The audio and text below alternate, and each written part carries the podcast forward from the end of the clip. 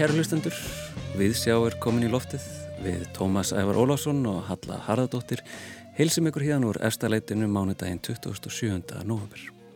Eins og þið heyrir, kæru hlustendur, þá hefst þáttu dagsins á Gítar Blues frá einum af gítarsnillingum síðustu aldar, Jimi Hendrix. En í dag er einmitt fæðingadagur hans. Þetta lag, Red House, er eitt af fyrstu lögunum sem að Hendrix tók upp en það kom út á plötinu Are You Experienced þann 12. mæ 1967. Hendrix mun eflaust koma við sögu síðar þessum þætti en auk þess fjöllum við um heimildamind frá Palestínu, búkar verðlunahafa, nostalgju og högna hennar auðar Jónsdóttur. Nú á sunnudag voru hinn mikilsvirtu búkar verðlun veitt við hátilega aðtöfni í London Velun hafi að þessu sinni var írski rítöfundurinn Paul Linds en hann hlýtur búkininn fyrir bókina Prophet Song sem drefur upp afar martraðakenda mynd af mögulegri nærframtíð Írlands þar sem auðga hægri öll hafa komist til valda og borgarastyrjöld vomir yfir landinu. Við kynum okkur höfundin í þætti dagsins.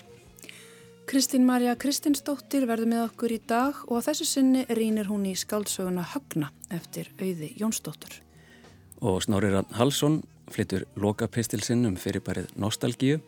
Í erindi dagsins er hann með hugan við skrásetningu, hvernig við skrásetjum eigin sögu og upplefanir á heiminum, hvort sem það er með hellatekningum eða hastökum, en við hefjum þáttinn á heimildamind um eldfimt efni.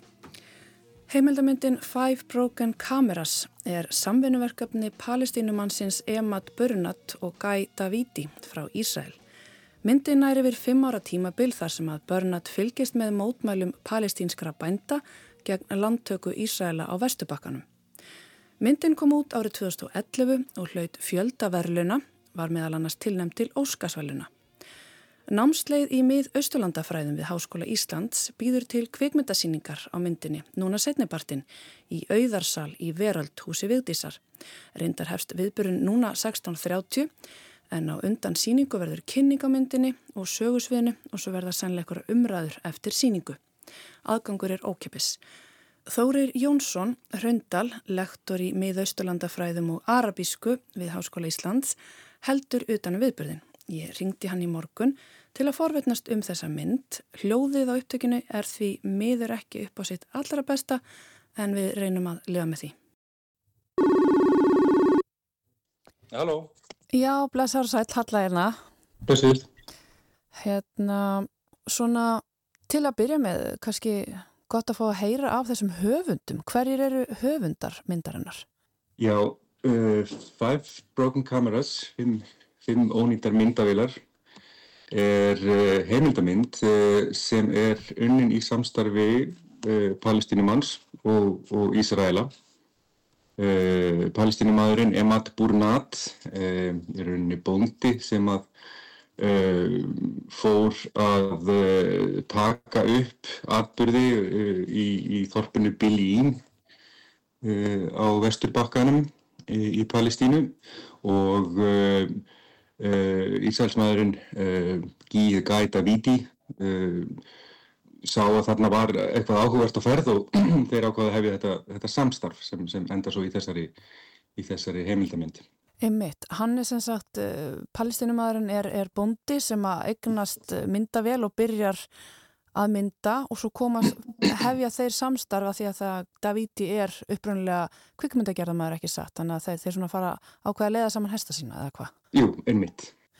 Og uh, þetta svæði Bilín á Vesturbakkanum, getur þú svona staðsett okkur aðeins og sagt okkur aðeins frá því hvar við erum stödd? Já, Bilín er uh, palestinstorp uh, svona, já, yfirli vestur í aðri Vesturbakkans, ekkert langt frá Ísrael og uh, þarna hefur verið uh, í rauninni landtaka og landrán uh, í þó nokkur tíma og það er þarna um, Ísraels landtöku beigð rétt upp við Modín í lít sem að hefur auðvitað haft greiðarlega áhrif á daglegt líf bara palestínumanna á þessu svæði. Þarna upp úr 2000 í, í árið 2000 þegar við byrjaði að, að byggja þennan aðskilnaðar múr sem að er nú nokkuð þekkt fyrirbæri held ég sem að liggur þarna þess og krussi gegnum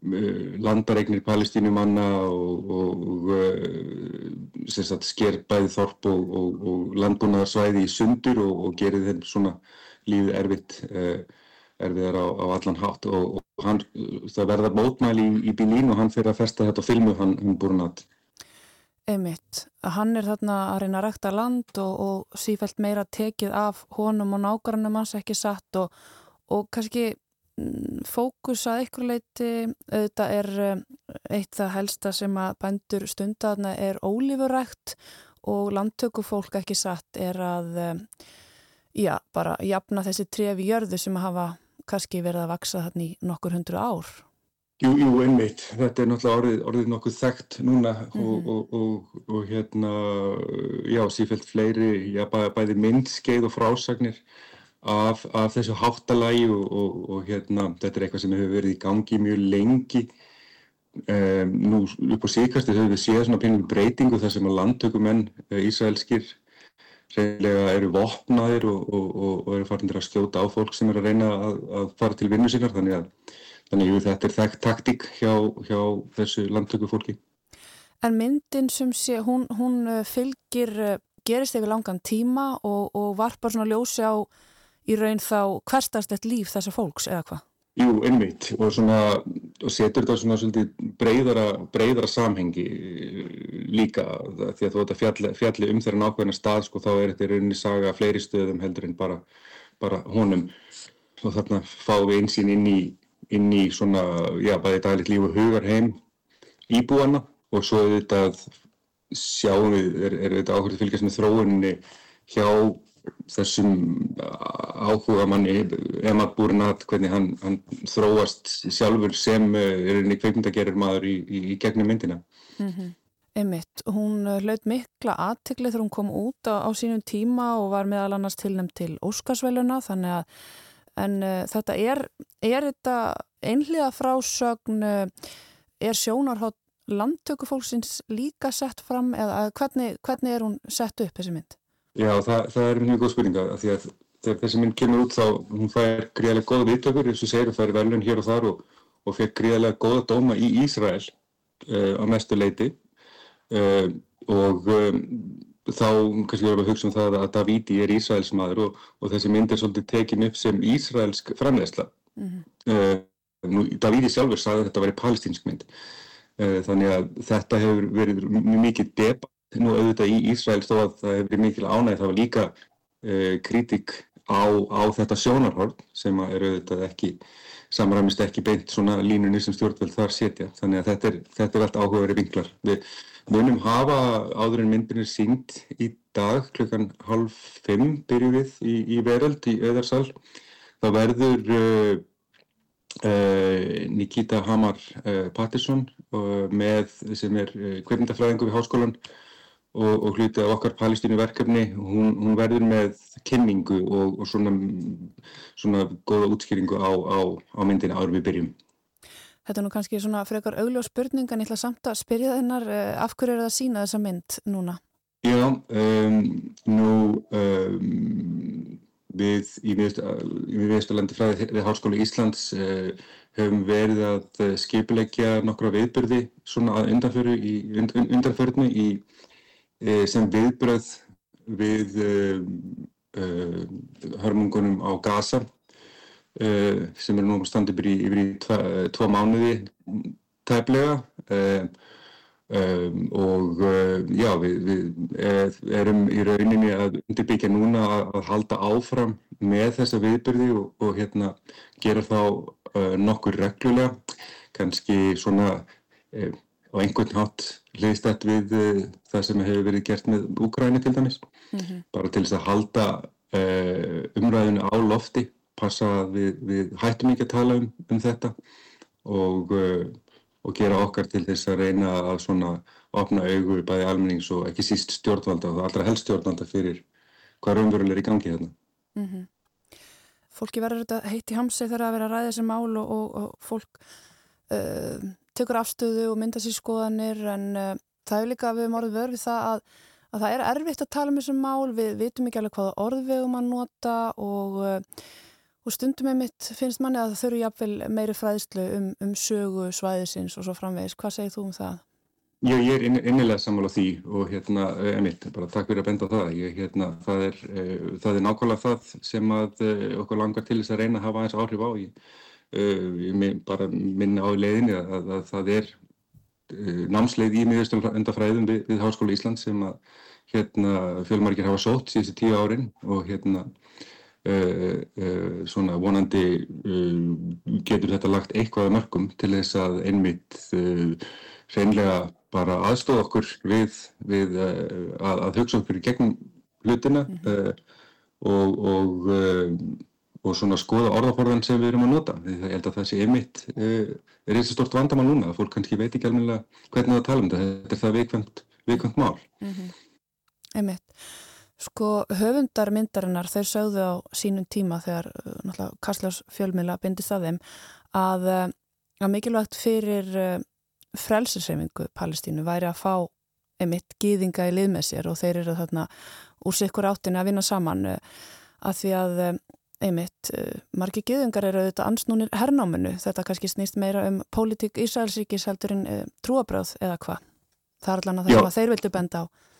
Já, já, akkur, akkurat. Þa, það er einmitt það sem ég hef viljað benda á sjálfur og það sem að margir hafa verið að benda á þetta í gegnum, gegnum tíðina að, að, hérna, að e, það er benni skalegt að, að setja saman sem merkir milli, milli allra gefinga og svo þess sem að Ísæl stjórn er að hafa stað núna. Og, og hérna ég hef stundu borðað saman við þessa Uh, já, þennan samanburð sem að, svona, við hefum hertið gegnum tíðina að allir múslimar séu hættulegir, allir múslimar séu ISIS, sko, þetta er ekkit, þetta er ekkit það frábröðuð í, í rauninni, þannig að við, þurfum að við þurfum að passa okkur að, að gera mikinn greinaminn og, og, og, hérna, og það er ekki síður mikilvægt að leifa röddum geðinga að heyrast Ísraelsmanna sem leiðis, það eru fjölmörg samtök í Ísrael og fjölmörg samtök geðinga um allan heim sem að reynlega fordama Ísraels stjórn og herr hennar og vilja, hafa, vilja ekki kenna sig við neitt af þessu. Mm -hmm. Einmitt. Uh, ég veldi fyrir mér hvernig er að vera kennari við þessa deild um þegar svona stendur yfir að, að vera fjallum svona eldfim mál. Mátt þú taka afstöðu til dæmis? Hvernig, hvernig er það? Já, þetta, þetta er góð spurning sko, um, ég, hvað, er, hvað er afstæða sko, ég myndi vilja sko, það sem ég ger ég er að fjalla um, um þessa hluti og skoða hverjar heimildundar eru og, og gefa nefndum tækjafæri til þess að tjá sig, tjá sig um það. Og hérna og svo er þessi spurning með pólitík sko, er þetta að taka pólitíska afstöðu ekki? Og hérna og það finnst mér líka mjög áhugaverð spurninga því að af því að á vissanhátt er, er allt pólitík. Að hérna mm -hmm. um, uh, þegar að segja uh, til dæmis við tökum eitthvað svona einfalt dæmi eins og það er verið að gangi skrokk á einhverjum daglega og, og, og þú lappar alltaf fram hjá því ertu, þú veist er, ja, mm. ef þú gerir ekki neitt ertu þá samseg eða, eða, eða ekki? Þannig ég vil líka spyrja bara hvað er ópolítík sko, hérna munum þegar að uh, það sem, sem Íslandingar munum vel gerðist fyrir nokkrum árum var þegar að Hatari tók þátt í Eurovision. Mm. og þeim var meinað að taka upp litla pjallu með, með í fánalitum Palestínu. Þannig að uh, fólk har kannski svolítið átt að sjá hvað er sko, við, við, við höfum um þessa íþróttaviðburði, tónlistaviðburði og þetta og séum þetta vera algjörlega ópolítist hér á engi pólitík að vera, en það er pólítist vegna að þú ert að útiloka einhvern hóp eða einhverja þjóð, þjóðabróti eða þjóðerni frá viðkomandi aðbörði eða, eða út úr viðkomandi rými, þá er þetta orðið pólítist þannig að það er ágætt að kannski fólk svona, kannski hugsa sér svolítið í gegnum þetta mm -hmm. Emitt. Þórir, takk fyrir spjallið, gangi ykkur vel með síninguna sem er að hefjast núna eftir ekki svo langan tíma. Það er aðgangur ókipis og, og sennilega verða þarna ykkur umræður og eftir, ekki satt? jú, ég býstu því. Takk hérlega, takk fyrir. Halla rætti við Þóri Jónsson Raundal, lektor í miðausturlandafræðum og arabísku við Háskóla Íslands, en hann er eitt þeirra sem skipilökur viðburð sem hefst innan skams í veröld húsi Vigdísar. Þar verður heimildamindin Five Broken Cameras sínd á samt kynningu og umræðum. Sýningin hefst rétt eftir 16.30 og það er ókeppis inn. En þá haldum við yfir í bókmentirnar. Kristín Marja Kristinsdóttir hefur verið að lesa Högna, nýjustu skáldsögu auðar Jónsdóttir. Hún tekur nú við. Högni eftir auði Jónsdóttur fællar um 50 mann að nafnu Högni sem hefur gaman að því að eldast við konur en hörfa fljótt þegar það fara að gera kröfur um tilfinningarlega námt. Högni er fráskilinn og á eitt són sem hann hefur fjarlags með árunum. Hann kenni barsmóðu sinni um, tilur hann að tala ítla um sig í viðvist sonarins og tálma umgengni þeirra. Högni vinnur sem sérfræðingur á framtíðastofnun einhvers konar sjálfbarnistofnun á vegum Reykjavíkuborgar sem metur stefnumál og borgarskipulag út frá hagsmunum íbúa framtíðarinnar. Hann er yfirlistur umhverju sinni, er græmitsæta sem tekur ekki þátt í nýstu kapplöpunu, flýgur aldrei á óþörfu, ferðast um með strætó og er með óþörl fyrir grænþótti. Líf högna umturnast þegar hann missi stjórn á skapi sínu í strætó og helli sér yfir hóp á stúlkum sem hefði verið að gera grínað útliti hans og kalla þær druslur. Þegar myndbandið að atvikinu fyrir dreifingu á samfélagsmiðlum þá verður hann fljótt einn umdeldasti og hataðasti maður landsins. Myndbandið sínir aðeins öfgafull viðbröð hans en ekki aðdraðandan og þykir högna ítlaðið sér vegið. Þrátt fyrir að erfitt sé að láta sér líka við persónu högna þá tekst höfundi ágætlega að fá lesandan til að hafa samúð með honum þegar stúlkunni draga hann sundur og saman í háði. Lesandin fær á tilfinninguna að það liggi eitthvað meirað baki að í fortið hans leynist eitthvað sem getur skýrt þessi skrítnu viðbröð og þegar líður á verkið fer ímslegt að koma í ljós. Hvenna far högna verist knúið áfram af þörf fyrir að finnast hann ómótstæðilegur. Hún um tíðarætt um strákslegt yfirbræð sitt, tvíraðan húmor og dimmu og kankvísu augun sem konur falla fyrir. Hann er þó líka óörugur með hversu lágvaksinn hann er, ístununa sem lætu stundum sjá sig og skallablettin sem hann greiðir yfir og því fara mikið út af því að samfara konur um að koma með sér í bólið til þess að sanna fyrir sjálfu sér að hann sé, þrátt fyrir allt, kynþokkafullur og sérmyrandi. Þegar sagan hefst er högni í sambandi með Bergrós, fortfræri leikonu sem nú kennir sjálfsjálfarnámskeið í lífskjörnun og tjáningu, en honum er farið að finnast hún þreytandi og ágeng. Högni er leikin í því að snúa upp á orð Bergrósar, smætta upplöðun hennar og draga þekkingu hennar í Eva. Miklupúðri er eitt í samtöl þeirra í sögunni en þar sem þau eru nær eintóma þrætur, útúsnúningar og þref verða þau heldur þreytandi til lengdar. Persóna Bergrósar er jafnframt nokkuð tvívíð en það verist hún sköpu til þess að styðja högna í gegnum hremmingarnar og þrýst á hann að bæta samband sitt við móðu sína og barnsmóður. Þegar högni er að lókum færum að setja sig í spór Bergrósar og sjá á henni aðra hlið fær persóna hennar loksins aukna dýft. Það er þó aðeins í eitt augnablík og sjónahornið sem þar byrtist er eins og áður skilgreint á högna. Augnablíki er fljótt að líða og hann dettur brátt í samafarið að kalla rauksendafæslur hennar tilfinningarraug og ærskýringar. Persónu högna er aftur á móti vel mótuð og marglega. Höfundur gerir átöðun að verða tilraun til þess að skrifa flókna og breyska personu sem er allt í senn, óþokki og fórnalamp. Samú lesandans flöktir og engi leið er að taka afdráttalösa afstöðu með eða gegn neinum. Það sem ég þótti hefnast allra best í verkinu var saga föðushögna sem var átakarleg og sönn og hvernig samband þeirra speiklaði samband högna og sonar hans.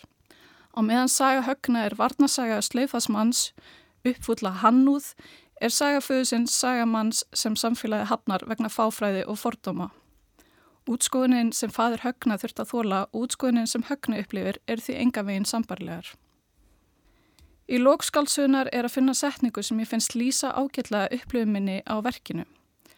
Högni er sestur í stól sálfræðingst til þess að gera upp atbyrjuna sem örði til þess að hann þurfti loks að horfast í augu við fortína og eitraða framkomi sína og viðhorf. Sálfræðingurinn hvetur högguna til þess að halda áfram að krubla í fortíni og sálarlífinu með því að halda hugsauna dagbók eins og hann hefur gert í nokkur tíma en hann segir það vera óþar á naflaskoðun að fólk eigði ómiklum tíma í að greina sálarlíf sitt. Í kjölfarið segir hann þessa setningu sem er fyrst kjarnaverki í heilsinni. Heimurinn er að brenna og allir er að spá í sjálfa sig. Íranaujan í setningunni sló mig því að skáltsaðan vinnur ymmit á þessu sviði hins personlega án þess að hafa skýrskotanir í starri málefni eins og lofslagsbreyningar sem er heldur undarlegt þar sem aðalpersonan vinnur á framtíðastofnun og er yfirlýstur umhverfisinni. Þrátt fyrir umhverfismeðutund högna og gaggríni á neysliðiki nútímans þá tala hann stundum eins og argasti kapitalisti. Nota rauk kapitalismans um gengdalisum vöxt þegar ræði fólksfækkun og nöðsinn þess að skapa aðlaðandi og sjálfbært borgarumhverfi til þess að laða að innflytjendur í framtíðinni og segir oftan einusunni að í hamfrum geti falist framfarir en það er setning sem engin helvita umhverfisinni myndi láta út úr sér. Bara kapitaliskir tæknuhyggjumenn á borði við Bill Gates. Hamfariðnar sem hann á við er að vísu í hans persónulífi en ég saknaði þess að eitthvað samingi væri að finna á millið hins persónlega og hins pólitíska í verkinu. Heimurinn er að brenna og það eina sem höfundi verksins hefur áhuga á er að velta sér upp úr sálarlífi og eitru um samskiptaminstri vindgallast Karls sem verður á í messunni og samfélagi reynir að slaufa. Það getur verið áhuga minn á loslasbókmyndum spili hér inn í en mér þótti grátlegt að hér hefði góð loslasaga sem tækja þeim mikla vanda sem við stöndum öll framifyrir farið forgörðum.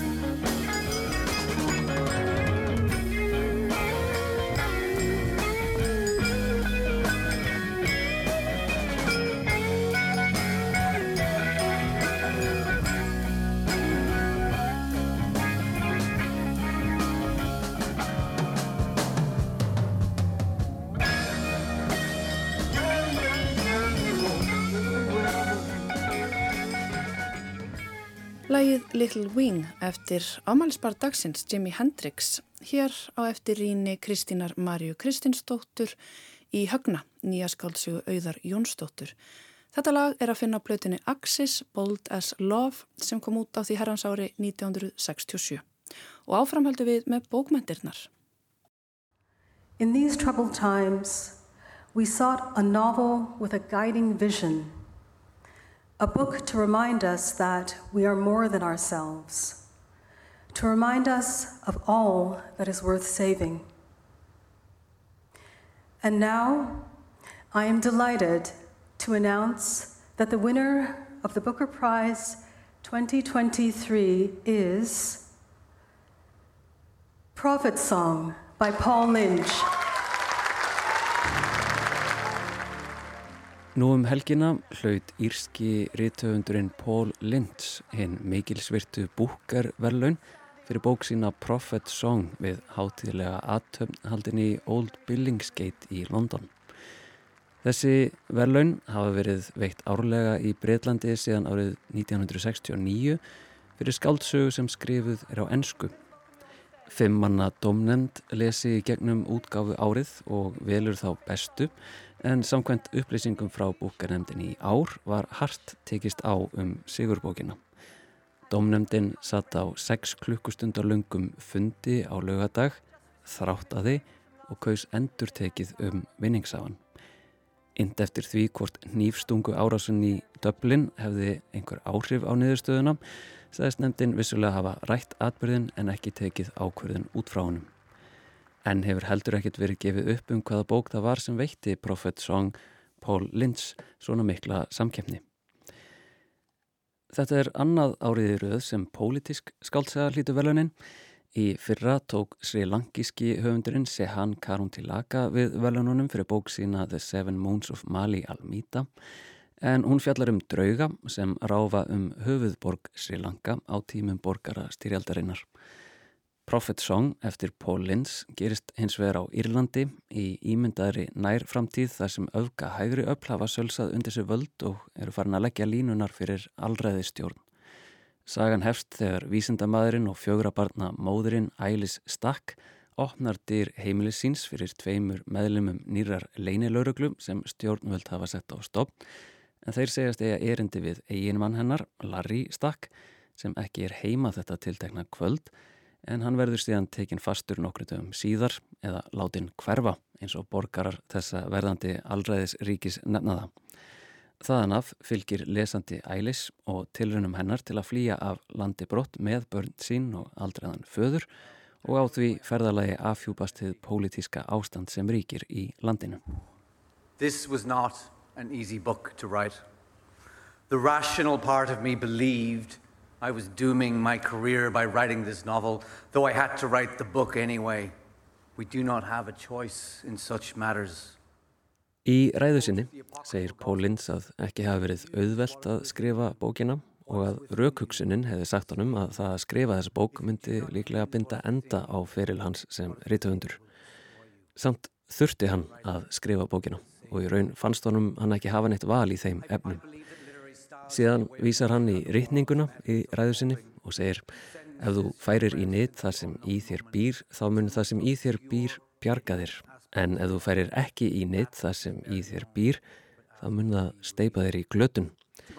Þessi bók hefur bjargað mér, saði Paul Lynch. If you do not use what is within you, what is within you will destroy you. My writing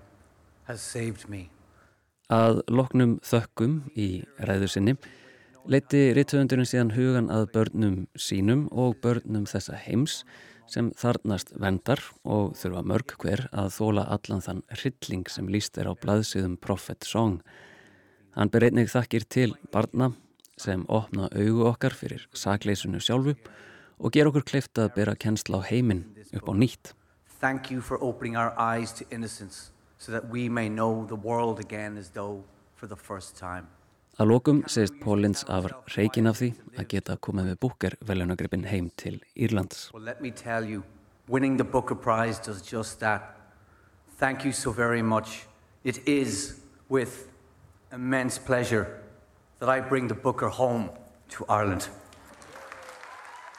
Í umfyllunum um bókina þykir hún mikilvægur speill á átökin og óréttlætið sem hafa átt sér stað í Úkrænu, Palestínu og Sýrlandi undanfærin misseri en einnig varpar hún ljósi á uppgang öfgaflokka á sviði alþjóða stjórnmála, flokka sem lofa aðskilnaði og ala á fordómum, flokka sem vilja ríja ríkisbáknin inn að beini, flokka sem tefla fram sterkum og aðdánaverðum leðtóðum. Í skáldsögunni byrtast einni kunnuleg stef um borgir í herkví, mannfall almennra borgara og flótti yfir haf á misjöfnum bátum. Þetta þrúandi pólitiska ástand undirstrykkar höfundur svo með stílbræði bókarinnar. Tekstin er ekki efnisgreina skiptur með þeim afleðingum að sumum lesendum, mér þar með töldum, finnast þeir festast í rugglingslegu flæði sem bergmálar að einhver leiti ástand þessarar martraðakendu framtíðasínar Pól Lins. Regluverk borgarinnar er að hruni komið, íbúar ferðast ekki um hana með venjulegum hætti heldur skjótast á milli húsasunda og þurfa að passa sig á opnum svæðum. Tekstinn gefur lesandanum að sama skapi ekki færi á andrýminu sem fælst í tóma eða auðarými blaðsíðunar heldur er hver og einn blaðsíða tróð full af nokkuð þjættu ljóðrænu letri.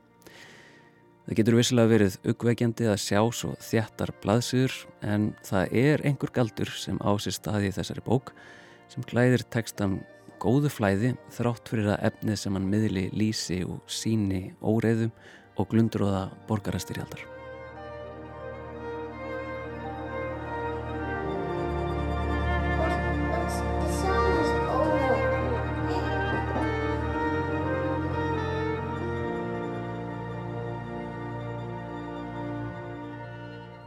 Næsta ár verður líklega viðböraríkt hjá Pól Linds en höfundar sem unnið hafa búkarvölunin hafa margir orð á því að þeim fylgi mikil ferðalög á bókmyndaháttíðir og viðbörði. Damon Galgút sem hlautu árið 2021 sæði viðtali að búkarvölunin væru afar hávær, sérstaklega fyrir rithöfund sem kýs helst að loka sig af í herbyggi og skrifa. Velunafjöð er heldur ekki að verri endanum en það nefnir um 50.000 pundum eða tæpilega 9 miljónum króna. Aðspurður hvað hann myndi gera fyrir fjöð, saði Pól Linds að allavega helmingnum af því, væri nú þegar ráðstafað í húsnæðislán sitt. Það verður áhugavert að fylgjast með viðbröðum við bókinni Prophet Song næstu mánuði og ár og ég segi fyrir mitt leitið að vonandi fáum við hér á landi íslenska þýðingu í hendunar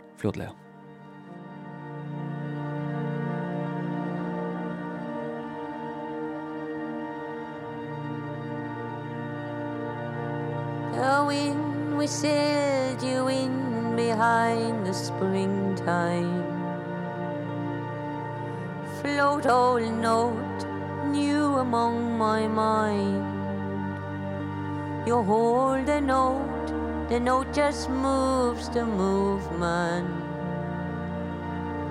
Let go of the note and so move everything. I can't come to quantify the feeling.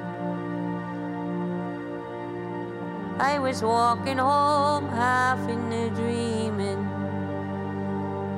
The things that I was thinking I was singing. The wind was whistled you in behind the springing. Star and rings around the star before me. And spun and swooped and sank and rocked beneath me. And mirrored what I've carried since I met me. And shot me back into the ground below me And there I met another note long buried.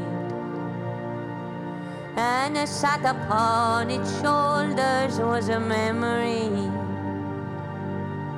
A home but sea above me's gone so noisy. I almost think I do not recognize me. Feathered friend, dig up and resurrect me. I long to live among the song of birdies, a lawless league of lonesome, lonesome beauty. Skies and skies and skies above duty. The wind whistles you in behind the springtime. Float all note new among my mind. You hold the note, the note just moves the movement. Let go the note and so move everything. I can't come to quantify the feeling. I was walking home half in a dreaming. The things that I was thinking I was singing. The wind whistled you in behind the springing.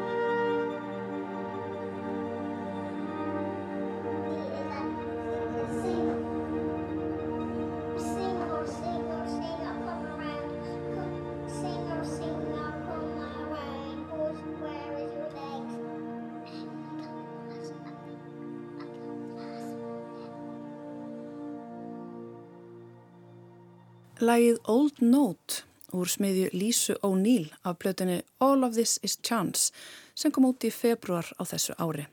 Þar á undan sagði Tómas frá nýkrindum búkar verlunahafa hinnum Írska Pól Lins. Og frá veluna aðfendingum höldum við á slóðir nostalgíunar með Snorra Rafni Halsinni. Snorri Rafni hefur undanfarnar vikur leitt okkur um lendur nostalgíunar og nú er komið að loka punktinum. Í lókapislunum er snorri með hugan við skrásetningu, hvernig við skrásetjum eigin sögu og upplifanir á heiminum, hvort sem það er með hellatekningum eða hastökum.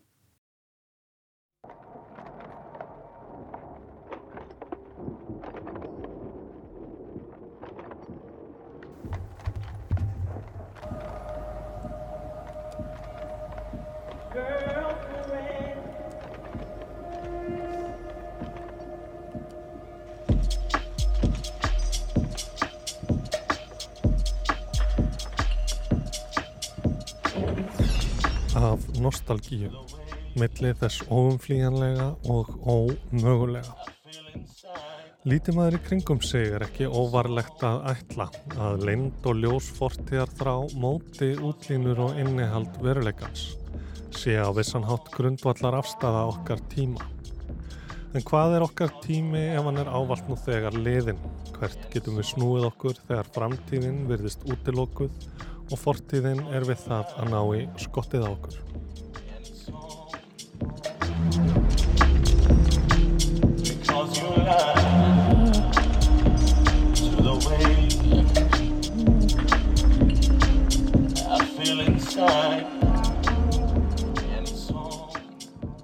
Eitt elsta fíkuratífa málverk sem vitað er um er að finna í Helli í söður Solavesi á Indonésiu.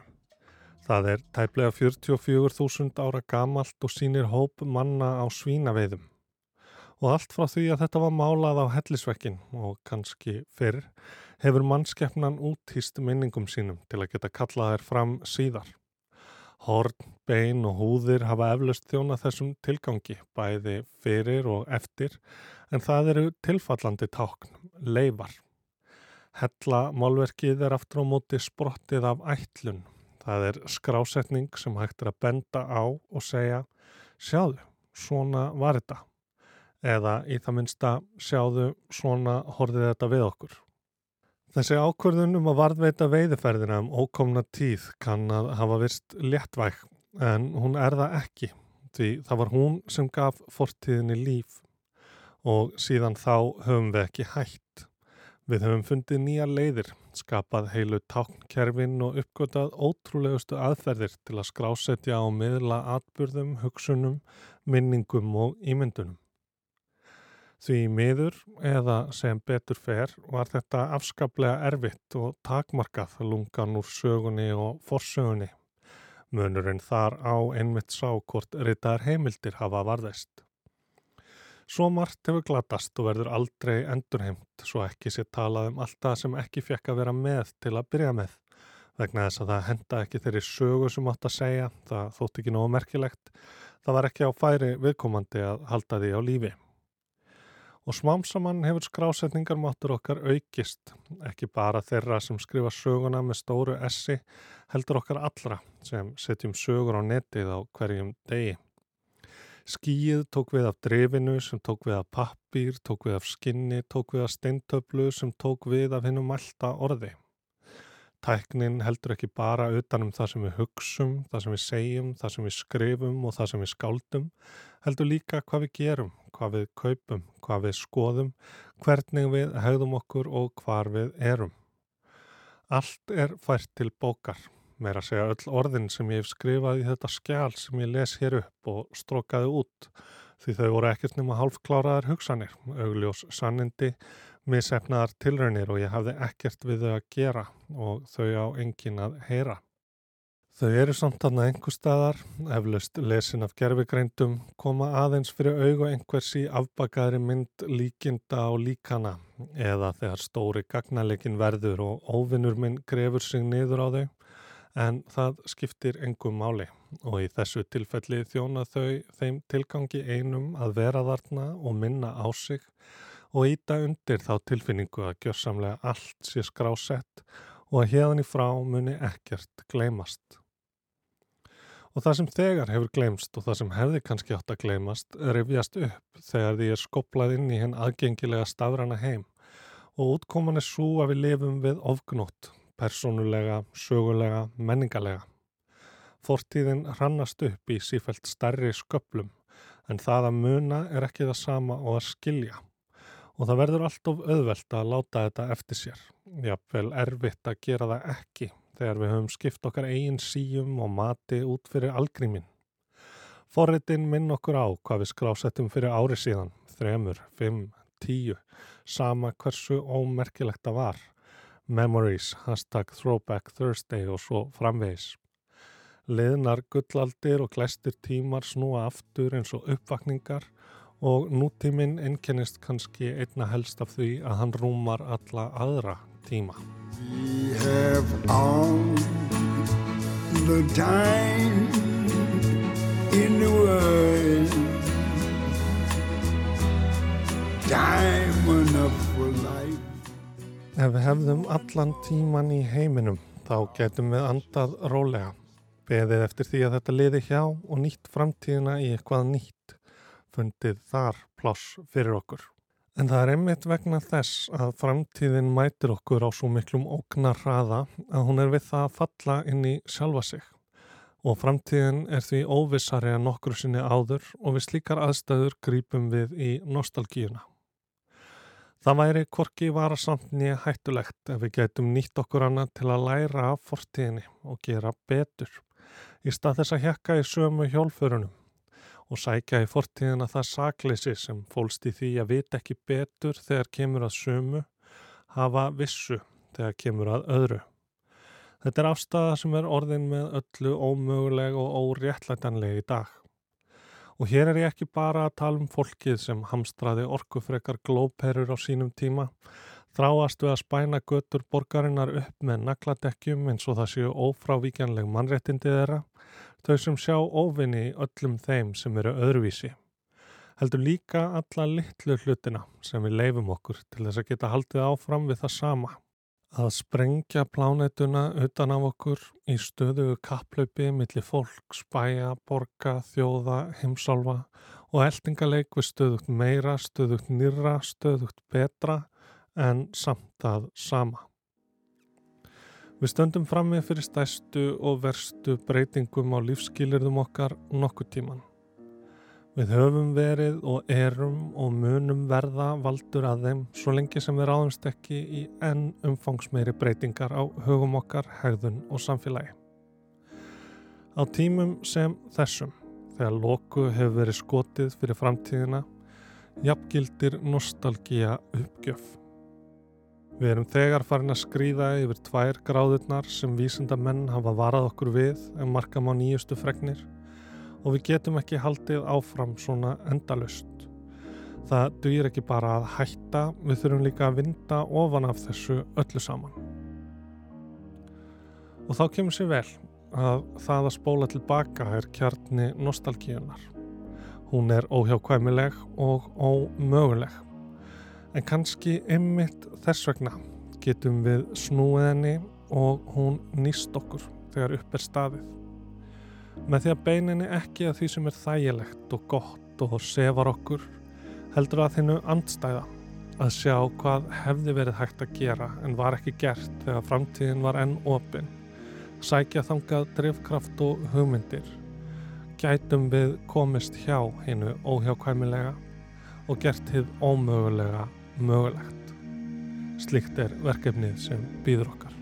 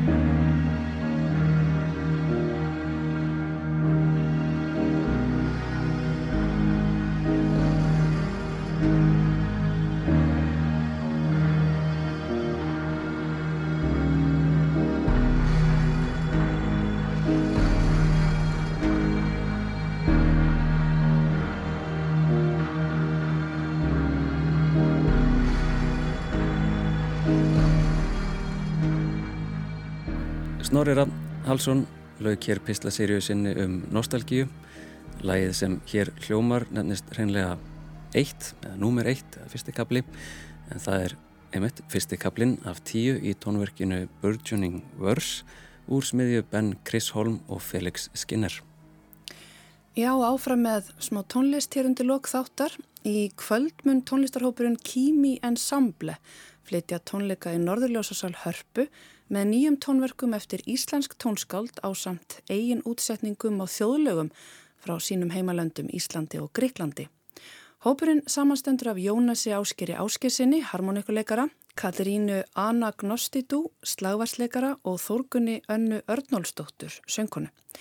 Efniskarán í kvöld hverfist um kröftugar en umdeldar kvennpersonur úr íslenskri og grískri bókmyndasögu, Guðrúnu Gjúkadóttur og Medeu en þær hafa í gegnum tíðina ímistvækin nexlun eða aðdáun en verið mörgum innblástur til listsköpunar allt fram á okkar daga.